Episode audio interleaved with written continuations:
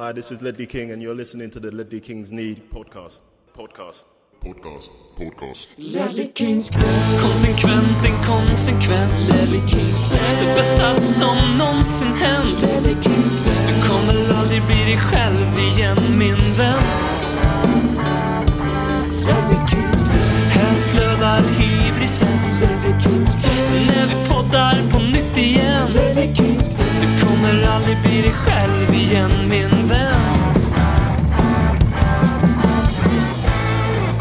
Du lyssnar på ännu ett fotbollsledley, nämligen avsnitt 304, tror jag att det är i alla fall, av den värmländska radioteatern Ledley Kings knä. VM är över för den här gången. Premier League är tillbaka för den här gången. Och tillbaka är också, som alltid, mannen som delar initialer med Bam Margera, Alexander BM. Välkommen tillbaka! Tack så mycket, tack så mycket. Jag har också upptäckt att jag delar namn med BM-gruppen här i Kasa. Jag tror jag sagt det vid något tillfälle förut. Och jag tar bara upp det för att jag häromdagen eh, i mitt dagliga kollektivåkande såg en stor jävla vägskylt längs E18 i Kasa vid det stora köpcentret Bergvik. Som det stod liksom bara Emerson i neon i natthimlen. Och det, var- och det var för mig symbolen liksom att VM är över och nu börjar Tottenham. Det var som bat-signalen i, i den mörka natten här i Kasa med Emerson företaget som alltså heter Emerson här i Karlstad som givetvis är nära anslutna till mitt andra företag BM-gruppen. Det är, jag får alltid frågan varför eh, eh, Karlstad är någon form av vi, eller vad säger vi, Tottenham-fäste i Sverige. För att Och- vi är härifrån. Eh, Ex, exakt. Men när den här typen av grejer dyker upp, då tänker man att det här är inte, det här är inte eh, vad säger man, av en, av en ren händelse. Utan det, Nej, det, känns är, att det är ju det, någon, ligger, eh, det ligger ett djup bakom. det är någon vilseledd själ här som inte riktigt har förstått när de lyssnar på våran podd att vi inte är helt eh, genuina när vi försvarar Emersons fotbollstalang. Exakt, exakt. Jag tänkte egentligen faktiskt eh, hoppa in direkt på, på VM och kanske den eviga frågan som ställs i alla fotbollspodcast den här veckan. Eh, matchen i söndags, var det världens bästa fotbollsmatch tycker du? Eh, eh, jag skulle, nej, här hade jag ju världens läge att samla så här godhetspoäng som vi tycker om att göra. Så här, jag såg inte matchen för jag bojkottade VM, bla bla bla. Eh, nej, men jag såg en del av VM. Jag såg inte jättemånga matcher. Jag märkte i slutet av turneringen att jag ramlade in på Argentina-spåret. Så mitt hjärta någonstans talade mig fram till att det var Argentina jag höll på i det här VM. Det finns väl en ganska enkel förklaring till det, även om man inte jobbar för klubben längre utan han numera springer Qatars ärenden. Men det är fan svårt att säga. Det var ju den överlägset bästa matchen jag såg i det här VMet. Eh, Men jag skulle vilja ändra på det epitetet lite till att det var den mest underhållande matchen man har sett väldigt, på väldigt länge. Det var ju som precis all VM jag såg så var det ju en ganska dålig fotboll som spelades. Men underhåll, mest underhållande, underhållande, och ja. bästa är väl samma sak egentligen. När man pratar om. För Ja, men visst är- bästa fotbollsmatchen egentligen så menar man ju inte egentligen högst kvalitet. Utan man menar väl liksom, Ja men visst fan borde... Vi borde komma överens om att det är det i alla fall. Ja. Ja, jag... ehm, Då tyckte jag det i det. sådana fall. Det är den bästa VM-matchen jag kan komma ihåg att jag själv har sett. Ja, men jag tänker fo- alltså fotboll. Och det, då går det in lite också på är det världens bästa fotbollsmatch? För att i, när man pratar om världens bästa fotbollsmatch, det måste ju handla också om alltså, digniteten på match. Ja, Alltså att, definitivt. att, vi, att, att Tottenham gör en svinbra match mot City och vinner med, med, med 3-2 eller 4-3. Jag kommer inte ens ihåg vad det, vad det blev. Eh, men det är ju en otroligt bra, bra match. Men det är, så här, digniteten på match drar ju ner. Du kommer, inte- du kommer inte komma ihåg den där på samma sätt. Den här kommer man ju för alltid att komma ihåg. Ja, Och sen så var det så sjukt i det att du- vi hade 75 minuter som var ganska trista 75 Mm. minuter. Jag satt liksom med, med, med polare och kollade på det och bara, fan vilken jävla besvikelse den här matchen är. Och trots att man fick 75 minuter av tråkig fotboll så fick man också sen 75 minuter av fotboll där allt hände. Eh, och eh, eh, nej, så jag, jag ställer mig absolut i ringhörnan av att det är den bästa fotbollsmatchen. Eh, man har sett. Det är, det, är, det är synd att Qatar får det här, för det har ju varit en underhållande fotboll. Det är väl flest mål i, VM, i ett VM någonsin. Eh, det har ju varit många eh, liknande sådana här matcher med Argentina. har haft ett an- antal eh, Mm. sådana under, eh, under det här VMet. Eh, det har varit många skrällar. Eh, man hade väl gärna velat vi bara såhär, efter det här VMet hade börjat såhär, ja, borstat av det lite grann på axlarna och gå vidare. Men, men, men så är det inte. Utan man kommer ju komma ihåg det här som ett oerhört underhållande VM rent fotbollsmässigt. Eh, och det, det gör det också lite jobbigare att gå tillbaka till klubblagsfotbollen. För att landslagsfotbollen är ju en fotboll som jag egentligen annars inte tycker är så, så kul. Liksom. För att det är ju... Eh, och det är självklart så. Lagen har inte tillräckligt eh, mycket tid att spela ihop sig. Det är egentligen inte samma kvalitet på spelarna. Framförallt inte i ett VM där du ska in så många, så många länder. Ehm, men när jag ser den här typen av matcher och det som har varit under VM. Jag känner att fotbolls-VM är ju för fotboll.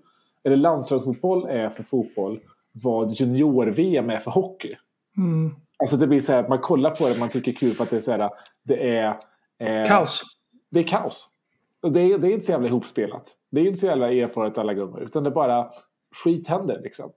Eh, så det, eh, nu känns det snarare lite jobbigt sen att gå tillbaka och kolla klubbfotboll som, ska vara, som kommer vara så extremt strukturerad. Det kommer vara eh, tajta försvarsspel eh, om det inte handlar om Tottenham Hotspur.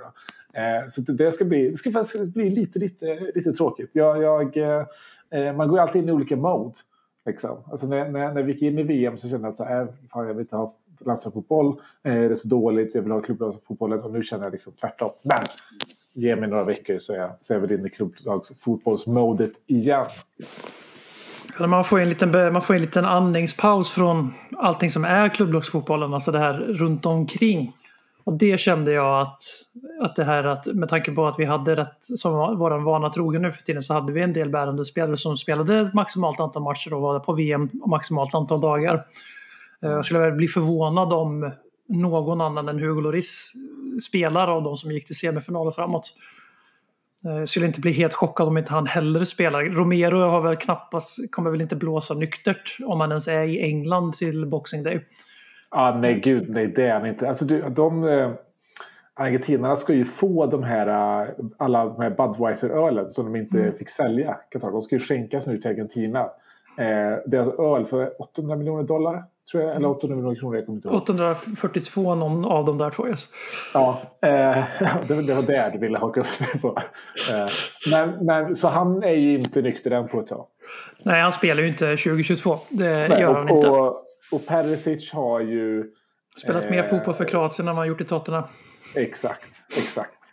Eh, och bättre fotboll för Kroatien än när i Tottenham. Väldigt mycket bättre fotboll. Eh, men det är ju alltså VM ur ett perspektiv då. Eh, fan, nu drar min, eh, eh min Siri igång. här. Nej, men VM ur ett Tottenham-perspektiv så blev det ju ganska bra ändå. Alltså man hade ju ändå förväntat sig att vi skulle ha alltså två spelare i final. Det har man ju nästan, liksom, det var ju nästan förväntat. Jag- tänkte ju liksom på förhand att det blir en, det blir en Harry Kane, det blir en Richarlison som ordförande i final eller någonting sånt. Det är den typen av spelare som kommer gå, eh, som kommer gå längst och det skulle inte vara bra för Tottenham att vi har Kane och Richarlison som kanske inte kommer att spela förrän jag menar, matcherna som är efter nyårshelgen. Liksom. Nu blev det ju helt okej med, med Rom- Romero och Lloris. Lor- eh, Romero är ju såklart ett jätteavbräck att han inte kommer att vara med nu på, på några veckor eh, minst. Men jag kan ändå... Eh, jag köper den. Hellre att det är han än att det är Kane eller... Ja, vi får ju eh, komma ihåg att vi, Richarlison. vi får ju komma ihåg att vi avslutade ju höstsäsongen utan Romero på grund av att han spelade skadad och sen alltså vi får ju utgå från att klubben och han tillsammans kom överens om att han kan inte spela mer och det var ju faktiskt så att hans VM-deltagande var i reell fara uppdagades ju när Argentina kom till Qatar. Att han faktiskt att han var skadad på riktigt då, vilket vi givetvis visste även om vi hade en jättelång rant om det i just podden innan där. Att, Det var ja, exakt, det var roligt att se. Samma, alltså vår senaste podd. Gick igenom hur mycket vi hatar Romero för att han fejkade sin skada. Två minuter efter att vi har stängt av så kommer liksom rapporterna att äh, Romero missar VM.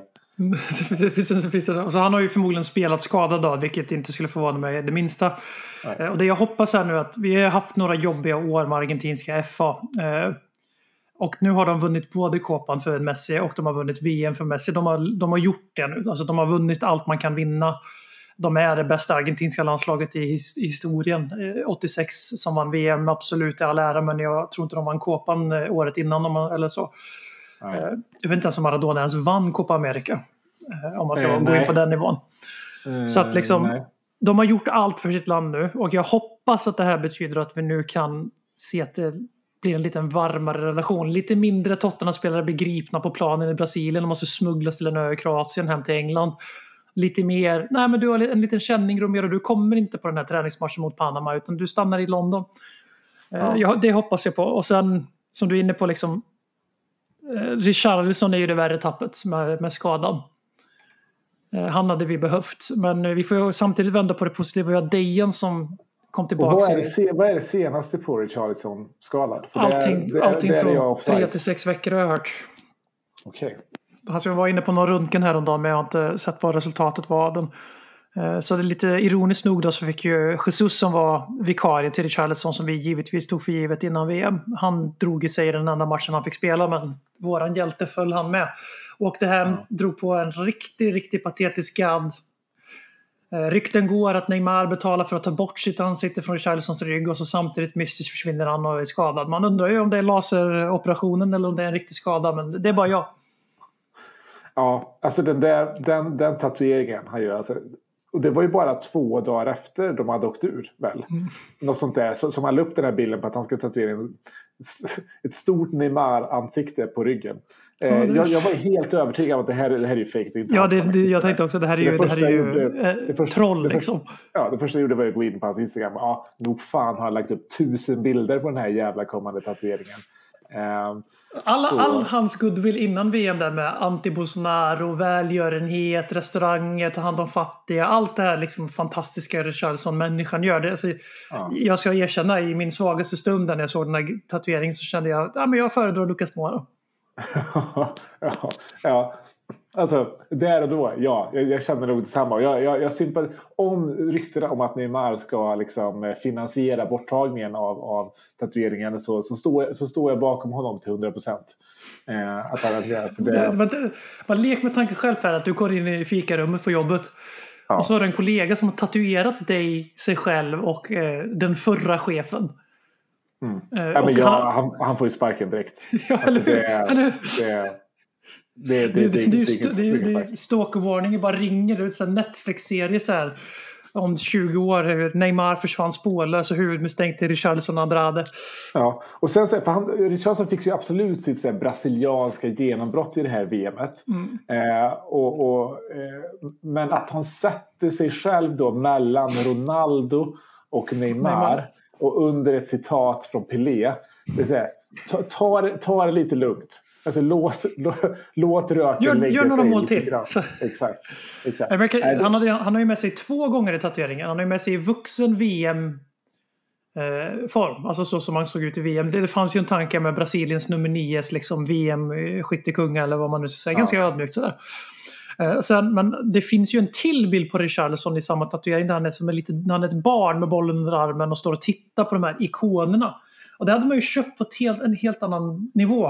Om man Ja. hade liksom hade om man hade haft tatueringen på sig själv som barn och de här två idolerna. För jag köper ändå att Neymar är en idol. För att han är ju jävligt mycket större fotbollsspelare historiskt än vad vi kanske vill kännas vid eftersom att han alltid varit Messis andra fiol. Men det är ju rätt många bra spelare som har varit.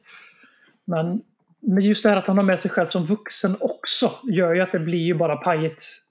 Ja, ja verkligen. Och det, det, det, det, är det, för, eh, om vi går in lite på hur, VM har varit för de olika Spurs-spelarna. Så Richarlison som sagt var, han slår sig in i de brasilianska hjärtan. Han gör en väldigt bra turnering. Jag tycker det kommer ut perfekt. Hade det inte varit för skadan så hade det varit perfekt för honom. Han får göra ett bra VM, han får göra sina drömmål, men åka ut i kvartsfinalen. Det är ju perfekt egentligen. Sa- Samma med Eh, Kane. Ja, ja men verkligen, verkligen. Gör sina poäng, eh, åker ut i kvartsfinalen. Tyvärr skadad i första matchen och spelar väl på den hela turneringen. Men vi får ju utgå ifrån att han är fit för fight eh, eftersom att han spelar hela turneringen. Ja, exakt. Eh, så har vi Bentancourt som jag tycker också har verkligen tagit ett, ett steg framåt internationellt i och med den här matchen. Alltså, alltså ett internationellt erkännande. Det har ju Absolut. efter VM börjar, han bör, har ju börjat kopplas ihop med, med, med klubbar som United och liknande. Och det, det är klart han inte kommer gå dit, men bara att det kommer, de ryktena visar ju på att han har haft någon form av genombrott under det här mästerskapet. Ja, det har vi ju sett hela säsongen i Spurs. Men jag håller med dig att eh, de mediala ögonen riktades mot eh, Bentancourt som på allvar. Jag såg lite Uruguay också just för att Uruguay, men framförallt Bentancourt. Och, eh, han eh, var ju outstanding. Det var ju samma Bentancourt som vi såg sista veckorna innan, innan VM där han var eh, pulsen i vårt lag och livsviktig i den sista matchen där han tillsammans med Dejan vände på steken så vi vinner och får gå in i VM med studs i stegen och sådär. Och han fortsätter på den vägen. Jag tror att jag läste någonting under VM att han ledde i stort sett varenda mittfältskategori som är värt att eh, leda. Eh, Och det här med Sofian Amrabat som vi var inne på förra sommaren, som var, var ju, i somras så kopplades ju vi samman med honom och vi drog oss ur den affären. Eh, Och nu är han jättehet för att han hade ett jättebra VM och eh, ryktas gå till Liverpool för 50 miljoner euro. Och jag känner bara, ja, det hade vi inte var varit helt fel var att värva honom men vi Nej, har ju vi var ju två sammankopplade med honom och då var det prat om där vi strax över 10 miljoner euro. Liksom. Och vi har två ju- bättre versioner av honom på mittfältet redan. Ja, ja, vi ska inte, vi ska inte ta in en innermittfältare nu innan vi liksom, vi, vi håller fortfarande på att försöka skola in liksom Bissoma. Så. Och vi har Skip Eh. som knappt har spelat och Ja. Nej, men- ute på lån. Ja, Ja, men Bentancur gör jättebra. Det det är mycket också för att säga, Uruguay gick ju in med, med förväntningar på att Valverde kommer göra ett fantastiskt mästerskap. Så man sitter och tittar där på det här mittfältet. Det kommer bli jättebra. Och sen så är det Bentancur som liksom överpresterar Absolut. honom enormt. Eh, och folk har ju pekat på Valverde att han gjorde en ganska floppmästerskap. Men kollar man på liksom, eh, de, den underliggande statistiken där så sticker ju faktiskt Valverde ut väldigt mycket jämfört med andra mittfältare. Väldigt han har inte gjort- Han har inte gjort ett så, så, så dåligt eh, mästerskap som, som folk vill få det till. Nej, absolut Ehm, inte. Även Son får ett ganska bra mästerskap ur ett Tottenham-perspektiv. Han, får, han tar, han tar sitt, sitt, eh, sitt Korea vidare eh, och gör liksom lite det som är förväntat av. Så det är ingen, liksom, det är ingen besvikelse bakom där. Eh, och, och kommer hem liksom i, i, i, i god tid och, och, och, ja, behöver inte gå på knäna. Så det, det, ur Tottenham-perspektiv så har det varit bra så sett. För också tar du in då Höjberg åker ut i gruppen.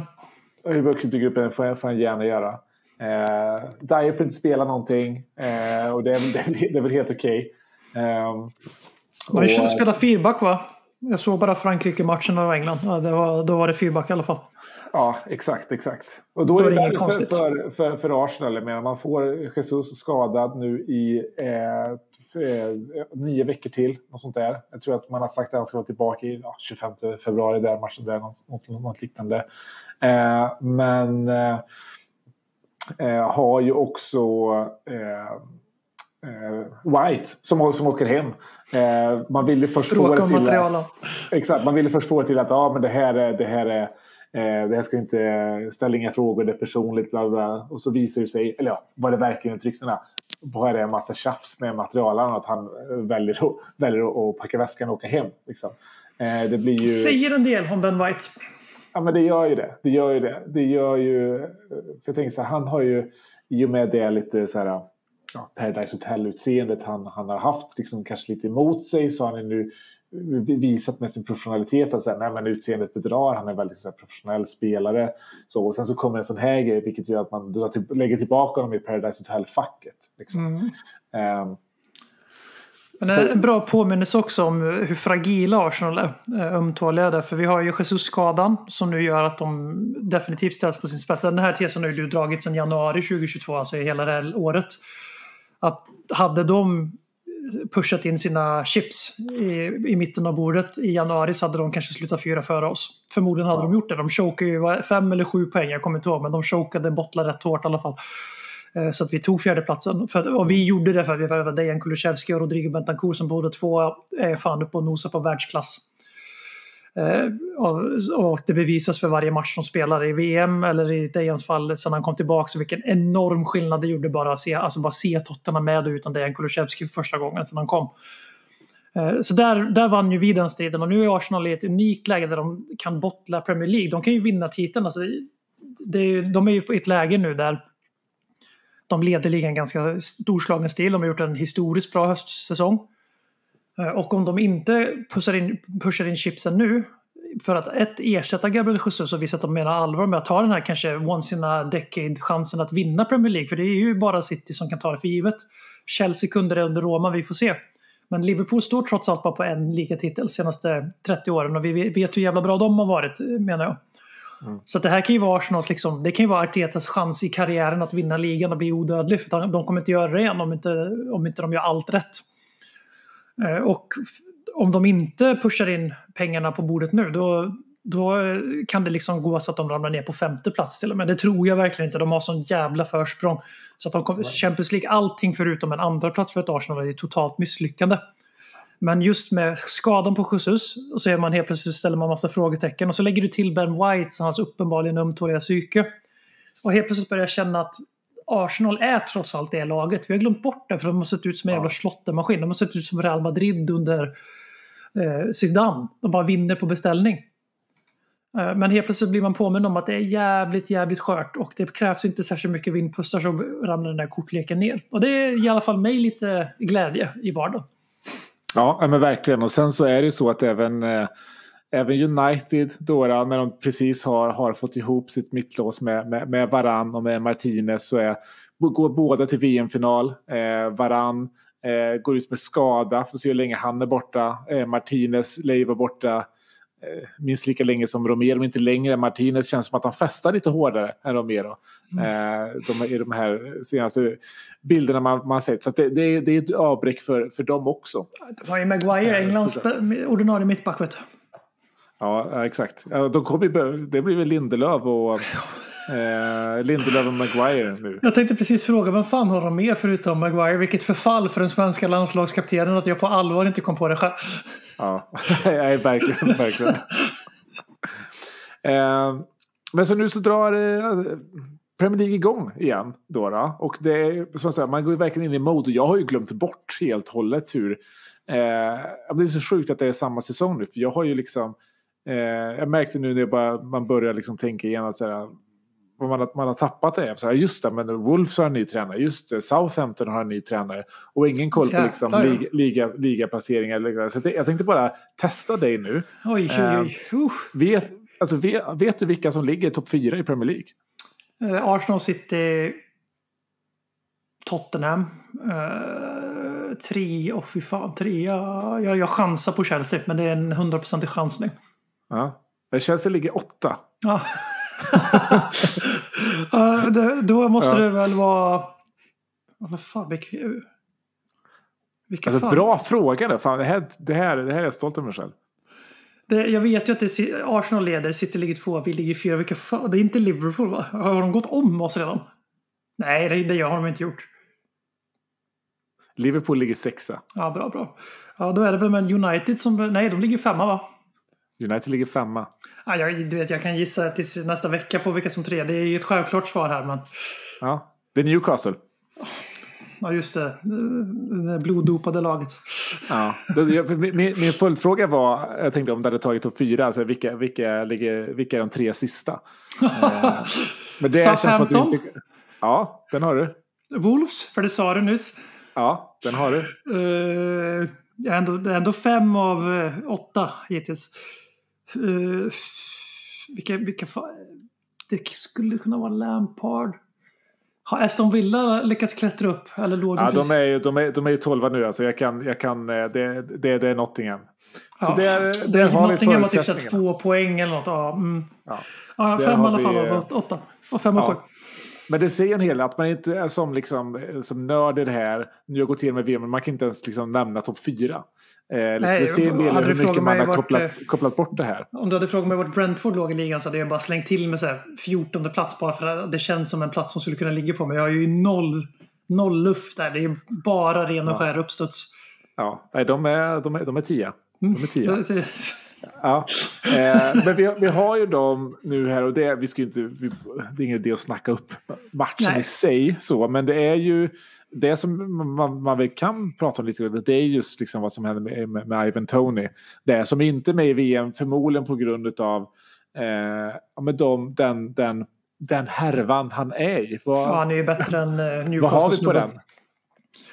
Uh, visst var det Callum Wilson som fick platsen istället för Ivan Tony? Ja, exakt. Det är ganska absurt. Eh, så ja, det är ju definitivt det. Det som har hänt är ju att han har, precis som Kieran Trippier för något år sedan, där Kieran Trippier av uppdagades med att ha sagt åt kompisar och betta på att han skulle gå till Atletico Madrid. Eh, breach of betting etikett, vilket betyder att spelaren på något sätt har varit involverad i betting på, vi vet ju inte på vad, alltså så, så djupt har vi inte grävt. Men det, det kan ju vara allting ifrån att man ger insider, alltså du ger insider information, det är som insider trading på börsen, det är olagligt. Och eh, han, det kan ju vara allt ifrån att han har spelat på sina egna matcher, att han, att han ska ta ett gult kort, eh, alltså, eller vad som helst. Det, jag, jag har för mig att de här reglerna är ganska strikta för Premier League-spelarna, så det kan också vara något så här harmlöst som att han har spelat på en Premier League-match, det vet vi inte. Eh, det vi vet är att han har, att han har är misstänkt för 262 övergrepp mot den här etikettregeln. Då. Eh, och det ska väl jävligt mycket till att du ska bli misstänkt för 262 individuella fall och inte åka dit rätt rejält. Och det här är ju, nu killgissar jag hårt, men det här är ju spelmissbruks-vib deluxe. Där det är en väldigt rik ung man som spelar 262 gånger minst på ett sätt som är inte tillåtet på Premier League. Som Premier League-anställd.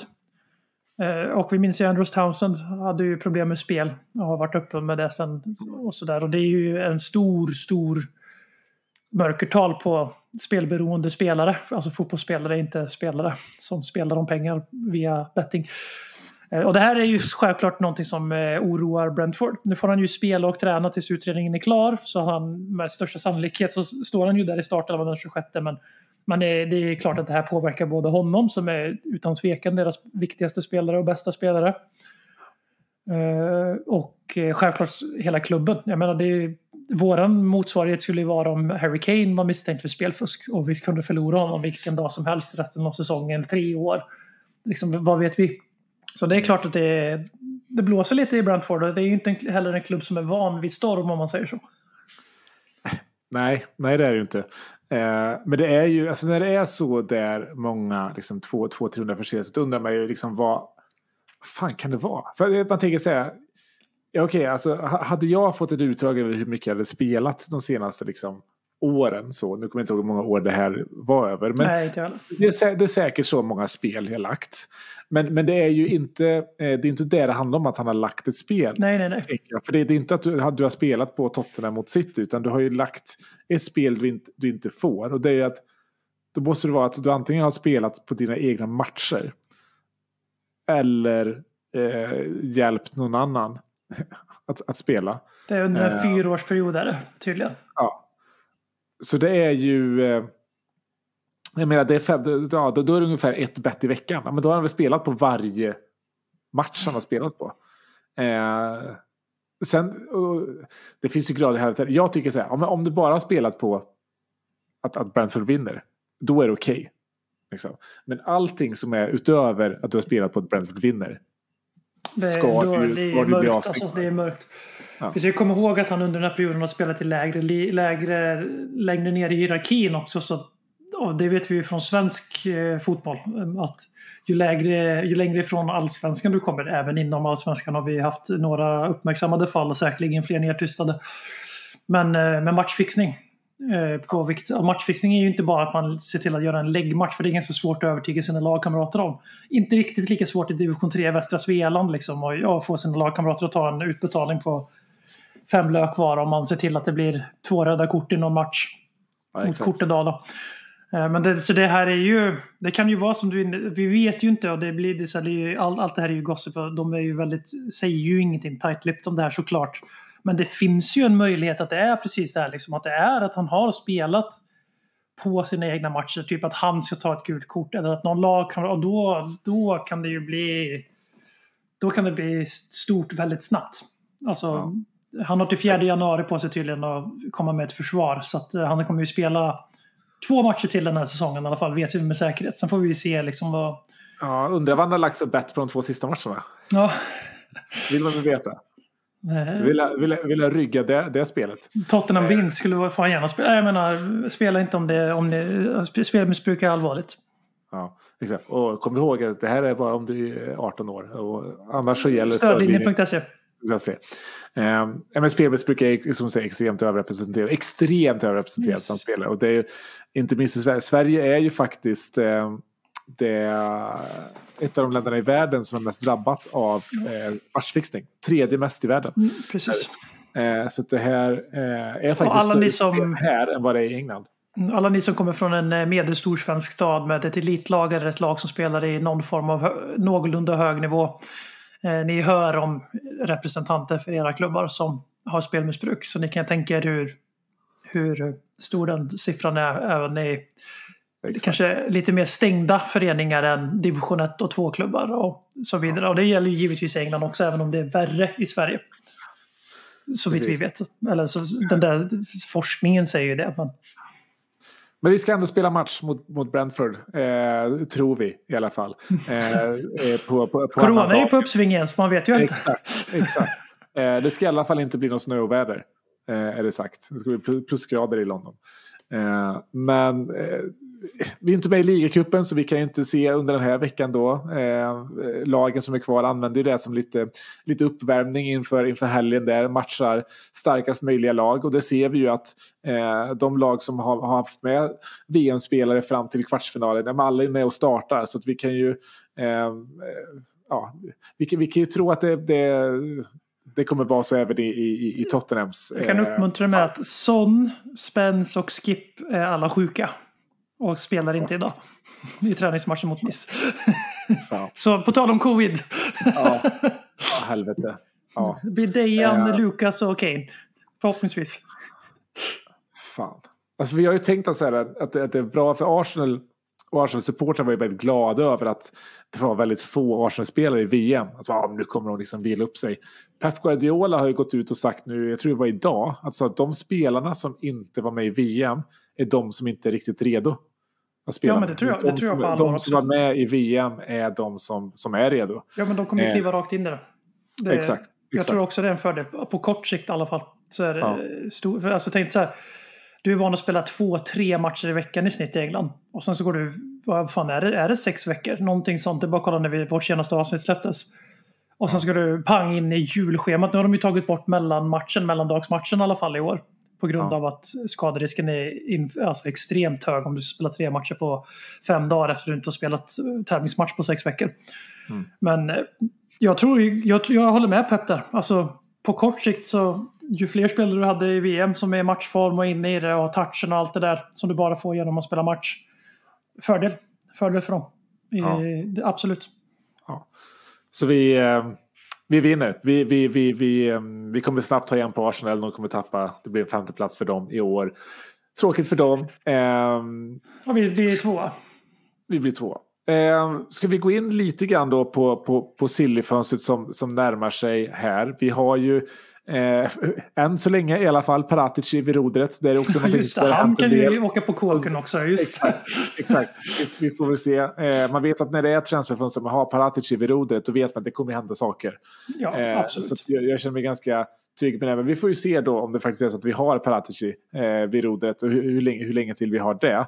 Det har ju ryktats som alltid en hel del kring Tottenham och spelare in inför det här fönstret. Eh, framförallt vad gäller VM-spelare. Eh, och eh, där var det ju två stycken som har kopplats ihop med Tottenham. Spelade ju i finalen Kolomani och eh, Marcus Thuram. Eh, Kolomani, det kom ju de första länkarna ja, för, några, för några veckor sedan där. Eh, och han är ju en ganska utpräglad eh, nu- nummer, nummer nio. Eh, Medan Tyram tycker jag känns lite mer intressant. För jag tror att hans kontrakt går ut i sommar. Jag, Det gör det, det gör det. Jag, jag, ja, och han känns ju lite mer hybrid. Eh, det, det, eh, alltså att han kan ta alla, alla de, de tre, tre anfallsplatserna så att säga. Ja, och... Eh, eh, är min känsla i alla fall. Och det, för det, det, det är en sån spelare som jag förut tänkte att nej, eh, nej tack.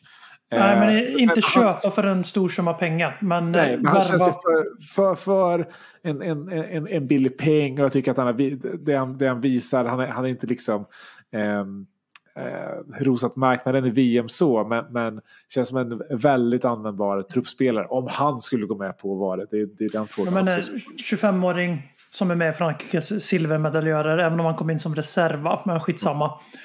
Eh, Det, vi snackar ändå om EM-silver, VM-guld, EM-silver-generationens Frankrike. Eh, Och den är på väg att ännu nästa generation. Eh, Det är det som är så lustigt, för varje gång vi var från Liga så blir det piss. Men det bara sprutar ut fantastiska spelare därifrån.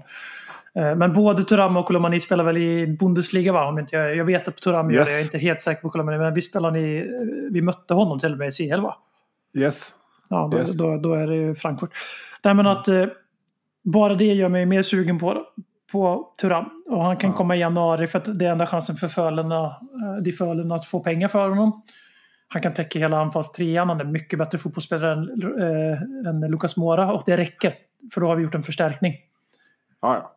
Det är ju så här, januarifönstret är ju egentligen inte tilltänkt för att ta in två spelare som går in och höjer slagkraften på startelvan så, så markant som Bentancur och Dejan Kulusevski lyckades med i Baratercis mäster i januari.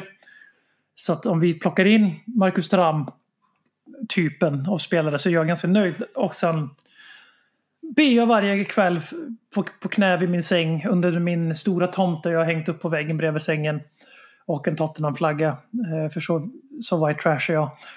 Att jag eh, få se en ny höger ytterback i Spurs eftersom att vi uppenbarligen aldrig kommer få se Jed Spence. Eh, Doherty har spelat left wingback och typ anfallare under de här träningsmatcherna så som man pissar in mål.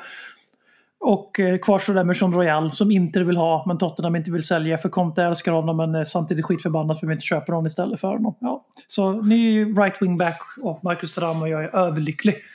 Ja, och varje, varje transferfönster kopplas ju upp en ny högerback och det, det är inte så konstigt. Vi har ju bara sju stycken.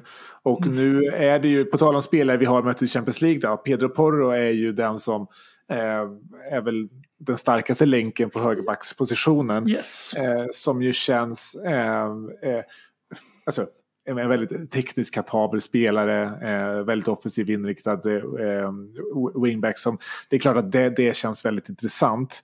Sen känner jag att det är väldigt jag, jag, jag har svårt att se att vi faktiskt plockar in en högerback med tanke på hur, liksom, hur många vi har där. Eh, jag kommer inte tro på någonting in där förrän jag ser tydliga rykten ut.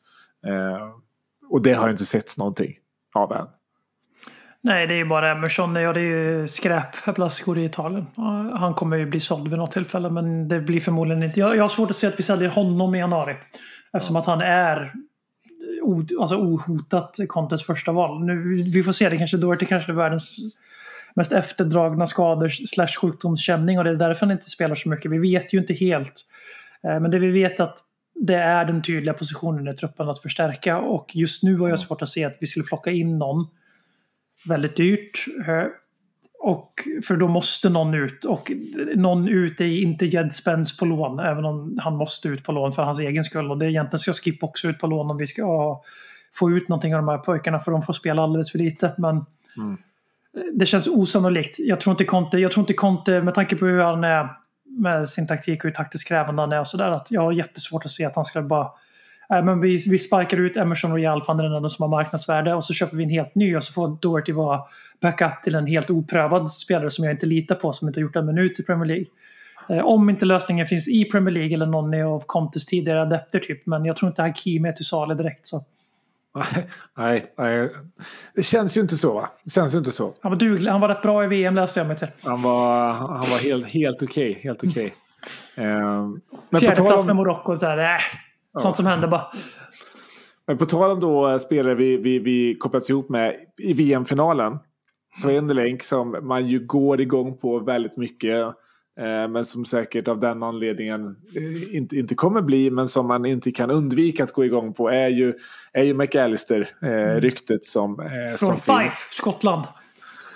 Precis, precis. Skotten McAllister. Och där... Jag har ju svårt att se att Brighton eh, säljer. De, de sålde ju en del i somras och även efter fönstret stängde i och med att man säljer Graham Potter. Eh, Och halva men hans stab. Och eh, sportchefen och någonting till till Chelsea. Sportchefen gick ju till, eller han var inte sportchef men Ainsworth gick till Newcastle. De har ju tappat hela sin Exakt. organisation helt enkelt. Ja, så jag har ju svårt att se att de känner att Nej, men nu, nu behöver vi casha in lite grann. Jag har i och för sig inte koll på hans kontraktssituation. Nej, men det, det, det, det blir ju Eh, sommar. Det kan men- inte bli något annat. Alltså det, av, det du, av anledningar du listar. Det, går ju för fan inte. Vid något tillfälle kommer ju till och med Brighton-supporterna reagera. Men fan vilken perfekt spelare det hade varit för, för Conte. Ja, Eh, Lo är- fast han håller för PL. Ja, men lite, lite så. Lite så. Och det är ju en... eh, Hade, varit- alltså, om, om det är 3-5-2 vi skulle vilja spela så är det han är ju den som ska in där. Alltså den löpviljan han, han har. Han är, han är ju verkligen en hybrid i att kunna vara eh, bo, eh, både i anfallet och vara en gris bak känns det som. Eh, han har... Eh, det känns som att han har väldigt många Conte, eh. Kommer från ett fantastiskt VM också där han liksom har... Kommer från har, en jättebra klubb i Premier League som än så länge inte, det är inte särskilt många duds som köps från Brighton utan de är ofta ganska bra när de går vidare också. Ja, inte Korea, men resten. Nej, nej, men det finns undantag givetvis. Han fick sin själ uttryckt inte Bissoma heller i och för sig. Det är liksom sådär, Fan, jag försökte, jag försökte ju Ja. skydda Bissen lite, men du har helt rätt. Jag, jag ångrar mig. Köp ingenting Ja. från Brighton. De, Ja, de, nej. de behövde Potter och Brighton för att, för att flyga. Vi, tar, vi skiter i den här skott-Argentina. Ta hem Ja, Chelsea istät ja, de behövde inte Potter heller. Det funkar ju inte med Korea för Korea när han får Potter heller. Liksom. Nej, Pot- Potter är ju lite bluff, bluff eh, varning på. Perfekt för oss att hämta hem den när Conte lämnar, eh, när han har misslyckats i Chelsea. Det är ju vad vi brukar göra. Så. Exakt, exakt.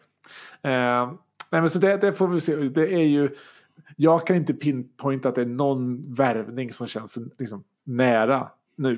Eh, men jag vet bara att vi, så länge vi har Paratici vid rodret så kommer Två någonting in. Två in. hända. Helt, helt övertygad. Två in. Ja, och eh, på det här temat så har ju nu bara senast igår eh, kommit ut en del via, via liksom, ITK kring just situationen i klubben vad gäller, eh, vad gäller Conte, Contes kontrakt, eh, transfer, eh, spenderingar. Eh, det har kommit eh, fram att det är ju återigen gnabb mellan Livi och Conte och mellan eh, Vivienne Lewis, eller Joe Lewis dotter, eh, då ska vara på, på Contes sida att vilja liksom investera i, i, i Contes tid eh, vid rodret. Livi lite den som, som, som vanligt eh, håll, håller i, i, i, i, i fickorna. Eller han, vad säger man? Jo, han, han, han Håller håller, pengapåsen. Exakt.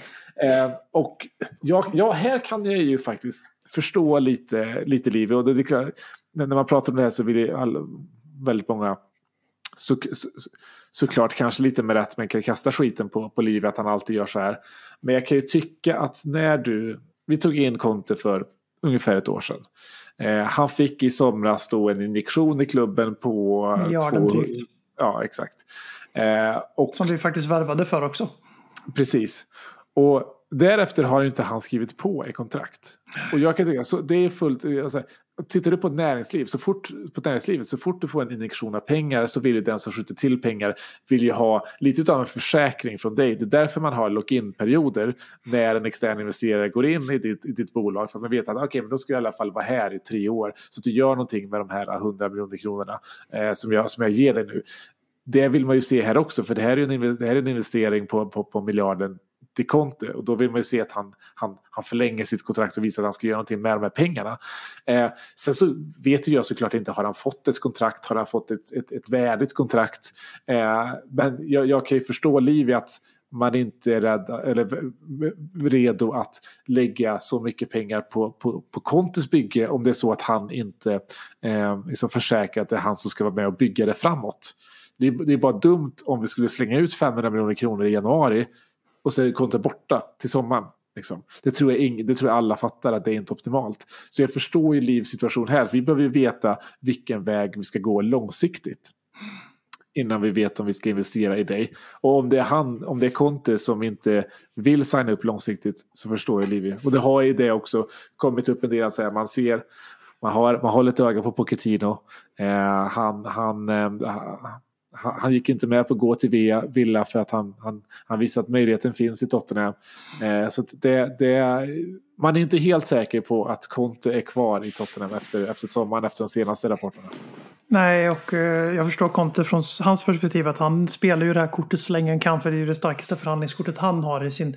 Ja, så är det. Sen är det ju hög risk han spelar med för att skulle han sluta sexa med det här laget han har på pappret nu då är inte, då tror inte, då har han ju misslyckats, punkt. Med tanke, framförallt med tanke på hur, hur dåligt det har gått för Liverpool och den här säsongen. Alltså vi har fått, precis som alltid, vi har något lag i de så kallade Big Six som skiter på sig fullständigt och det är ju Liverpool. De har ju bytt plats med Arsenal den här säsongen hittills. Nu är de på gång, det är inte, men alltså sett till hur bra de har varit så är det en riktig pisshöst. Eh, Och, eh, eller de var på gång före VM, det var ett tag sedan. Eh, och jag menar, han spelar ju ett högt spel här. Skulle det bli så, då är hans aktier inte lika höga eh, med den rekordinvestering han har fått. Och låt oss också vara, tillåta oss att vara ärliga med att vi har under höstsäsongen varit ganska missnöjda med Tottenham. Alltså, poängen och resultaten har absolut varit goda nog. Eh, hans första 38 Premier League-matcher var ju uppe och nosade på Pochettinos näst starkaste säsong eller någonting i det i Spurs. Eh, Och det laget Pochettino hade då är bättre än laget vi har nu även om det inte kostar ens en femtedel av det och så vidare. Men Det som är grejen här är ju att jag tvingas jag välja sida här i den här, i den här. Jag tror inte ens det är en konflikt utan jag tror att de bara spelar ut mot varandra tills, någon, tills de kommer överens. Ja. Eh, och eh, skulle det vara så som du säger att vi inte får någon, någon form av Eh, confirmation under hela januari. För han kommer bli frågad en miljon gånger som han blev i våras och vägrade konstant eh, upprepade tillfällen inte, att alltså inte befästa sin framtid här. Och vid något tillfälle liksom som supporter så tar mitt tålamod slut. Eh, men jag tycker jag är lite för fin för dig så jag håller dig på halster relationen vi säkerligen alla har varit i någon gång i, när man har varit andra valet eller exet eller vad fan man nu har varit. Och Conte är en jättebra tränare. Jag kan inte komma på någon som är bättre än honom 2023 som vi kan plocka in och som är ju direkt en, en uppgradering på, på, på Conte. Men vi kan inte heller låta honom hålla oss gisslan. Alltså det, Tottenham har gått för bra i 20 år, Tottenham mår för bra ekonomiskt, Tottenham har växt för mycket för det. För det, det är inte storklubbsfasoner att låta, låta en tränare sitta och diktera villkoren så här fullständigt. Nej, nej. Eh, Sen ska han backas. Det är inte, en mots, det är inte ett motsatsförhållande det här. Det är alltså, självklart ska han backas. Tills motsatsen bevisas. Eh, han- Självklart så ska vi försöka knyta honom till ett nytt kontrakt.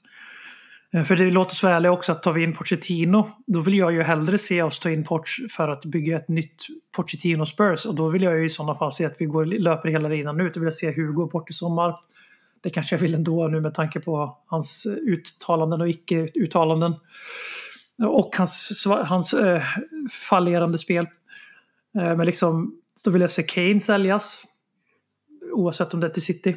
Jag tror inte de är så sugna längre dock. Eh, Det känns se- inte så. då vill jag se Son försvinna. För att alltså, då måste vi bygga ett nytt lag. Och vi kan inte, vi kan inte skapa den här harmonin och de här förväntningarna på rätt nivå, rätt känsla, rätt kravbild, rätt feeling runt klubben om vi har kvar tre världsklasspelare, i alla fall tre spelare med världsklassrykte, även om jag skulle hävda att Bentancur, Romero och Dejan alla är bättre än Hugo Lloris på fotboll 2023. Eh, vi kan inte ha kvar den, den kärnan och stommen i truppen och sen bara nej men nästa år skulle vi komma topp sju, komma in i Europa Conference League, göra utmana i kupperna. Det är gott nog. Det, det funkar inte när du har de spelarna. Och jag vet inte, jag tror inte, jag tror inte Livi är beredd att löpa linan ut att gå tillbaka till den kostymen just nu utan vi håller ju på att växla upp för en försäljning eller för att Livi slash Inik faktiskt bestämmer sig för att nu ska vi fan brottas med de här statsägda klubbarna tills döden med den kostym vi nu har. Det, för vi står inför det, det är ett evigt vägskäl för alla klubbar som drivs som företag och inte dopas. Så är det så, ska man tävla då måste man spendera som fan och då måste man också sälja dyrt som helvete vid några regelbundna tillfällen. För att kunna mäta sig med Chelsea och, nej förlåt de är ju normalägare nu, City och Newcastle. Eh, och sådär att eh, det är ett vägskäl fortfarande. Det har varit ett permanent sådant och Conte är en väg och Pochettino en annan. Jag vill inte se oss göra något så här. Vi ska fortsätta Contes inslagna väg och värva sönder och samman. Men vi ska göra det med Poch istället som har visat sig vara någorlunda begränsad i allting förutom att identifiera och vårda ung talang när det kommer till transfermarknaden. Alla liksom alla större, vi gjorde ju inga stora köp under honom så det blir lite missvisande det här men det var rätt många floppar. Och sen visst han fick ta Det spelare. var ju några ganska stora köp ändå som man får ta på sig. Ja, ja Cissoko är den första jag tänker på men det är säkert någon till. Vincent Jansen. En Dombele. Ja, just så- det. De två har jag till och med för, för glömt bort att de, jo, jag glömt Ja. bort att de tre är Pochettinos eftersom att Ja. han fick gå då. Men det är ju sant. Ja, men precis. Då, då precis. Mm. Tack. Eh, och då blir det ju liksom så här. Pochettino, ta in honom för att göra Contes jobb. Men när ska vi bestämma oss? Hur många gånger ska vi hatta mellan de här två vägarna? Eh, men eh, jag ska inte ljuga. Alltså jag, får jag en pistol mot tinningen och som frågar du kommer att ha Tottenham, det kommer vara exakt samma lag. Tottenham kommer fortsätta satsa som de gör nu, de kommer ha samma ambitioner, samma målsättning, men de har Pochettino som tränare istället för Conte. Femårskontrakt. Vad tar du? Ja. Hjärnan säger Conte, men mitt hjärta kommer aldrig säga någonting annat än Pochettino i sådana diskussioner. Nej, det kommer nog inte göra det för mig heller. Jag vet, hjärnan, ja, den säger Conte. Den, kan, den säger Tuchel. Ja, Eh, lite, faktiskt, faktiskt, faktiskt som Tuchel är ju arbetslös. På tal om Ja. saker man har glömt bort. Tuchel hade inte varit helt fel för det här laget. Det tror jag Nej. inte. Jag gillar också den typen av spelare han vill ha och värva. Han Ja. är lite mittemellan Conte och Pochettino i filosofi Det, och... det är han. Och sen så har ju han och har ju också en pull i sig. Jag tror att Pochettino har nog ingen pull för Nej. spelare längre. Inte på det sättet. Eh. Inte, inte på samma hylla. Inte en chans. Nej. Eh, men jag kan absolut se eh, många spelare vilja spela för Tuchel. Typ Kane hade, ju, Kane hade ju inte bråkat sig bort om Tuchel kom in. Men Nej. om Poch kommer in då kan vi nog säga bye bye Kane. Alltså, Ja, det, inte för att han inte tycker om Pochettino. Men det, han, har redan, han har gjort det förut liksom. Ja, ja precis, precis. Ja, och med de orden kanske vi ska summera eh, vår, lilla, vår lilla återkomst här. Då då. Eh, som sagt var, Brentford eh, på, på annan dagen där. Sen är det eh, fem dagar, hela fem dagar till nästa fotbollsmatch. Helt sjukt. Hur ska vi överleva? Eh, ja, vi får spela in ett till avsnitt. får Det är göra vad det. vi får göra. Ja. Ehm, superkul att vara tillbaka igen. Eh, som sagt var, eh, kika in matchen och så hörs vi igen eh, efteråt. Eller vad säger du? Ja, det är klart vi gör det. Och hoppas ni fick en bra fylla här nu när vi båda två slängde ut det argentinska prinsnamnet gång på gång på gång. Ja. Make it happen. Ciao! Tutti. Konsekvent, inkonsekvent Det bästa som någonsin hänt Du kommer aldrig bli dig själv igen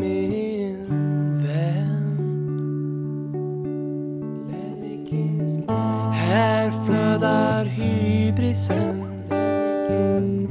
När vi poddar på nytt igen. Du kommer aldrig bli dig själv.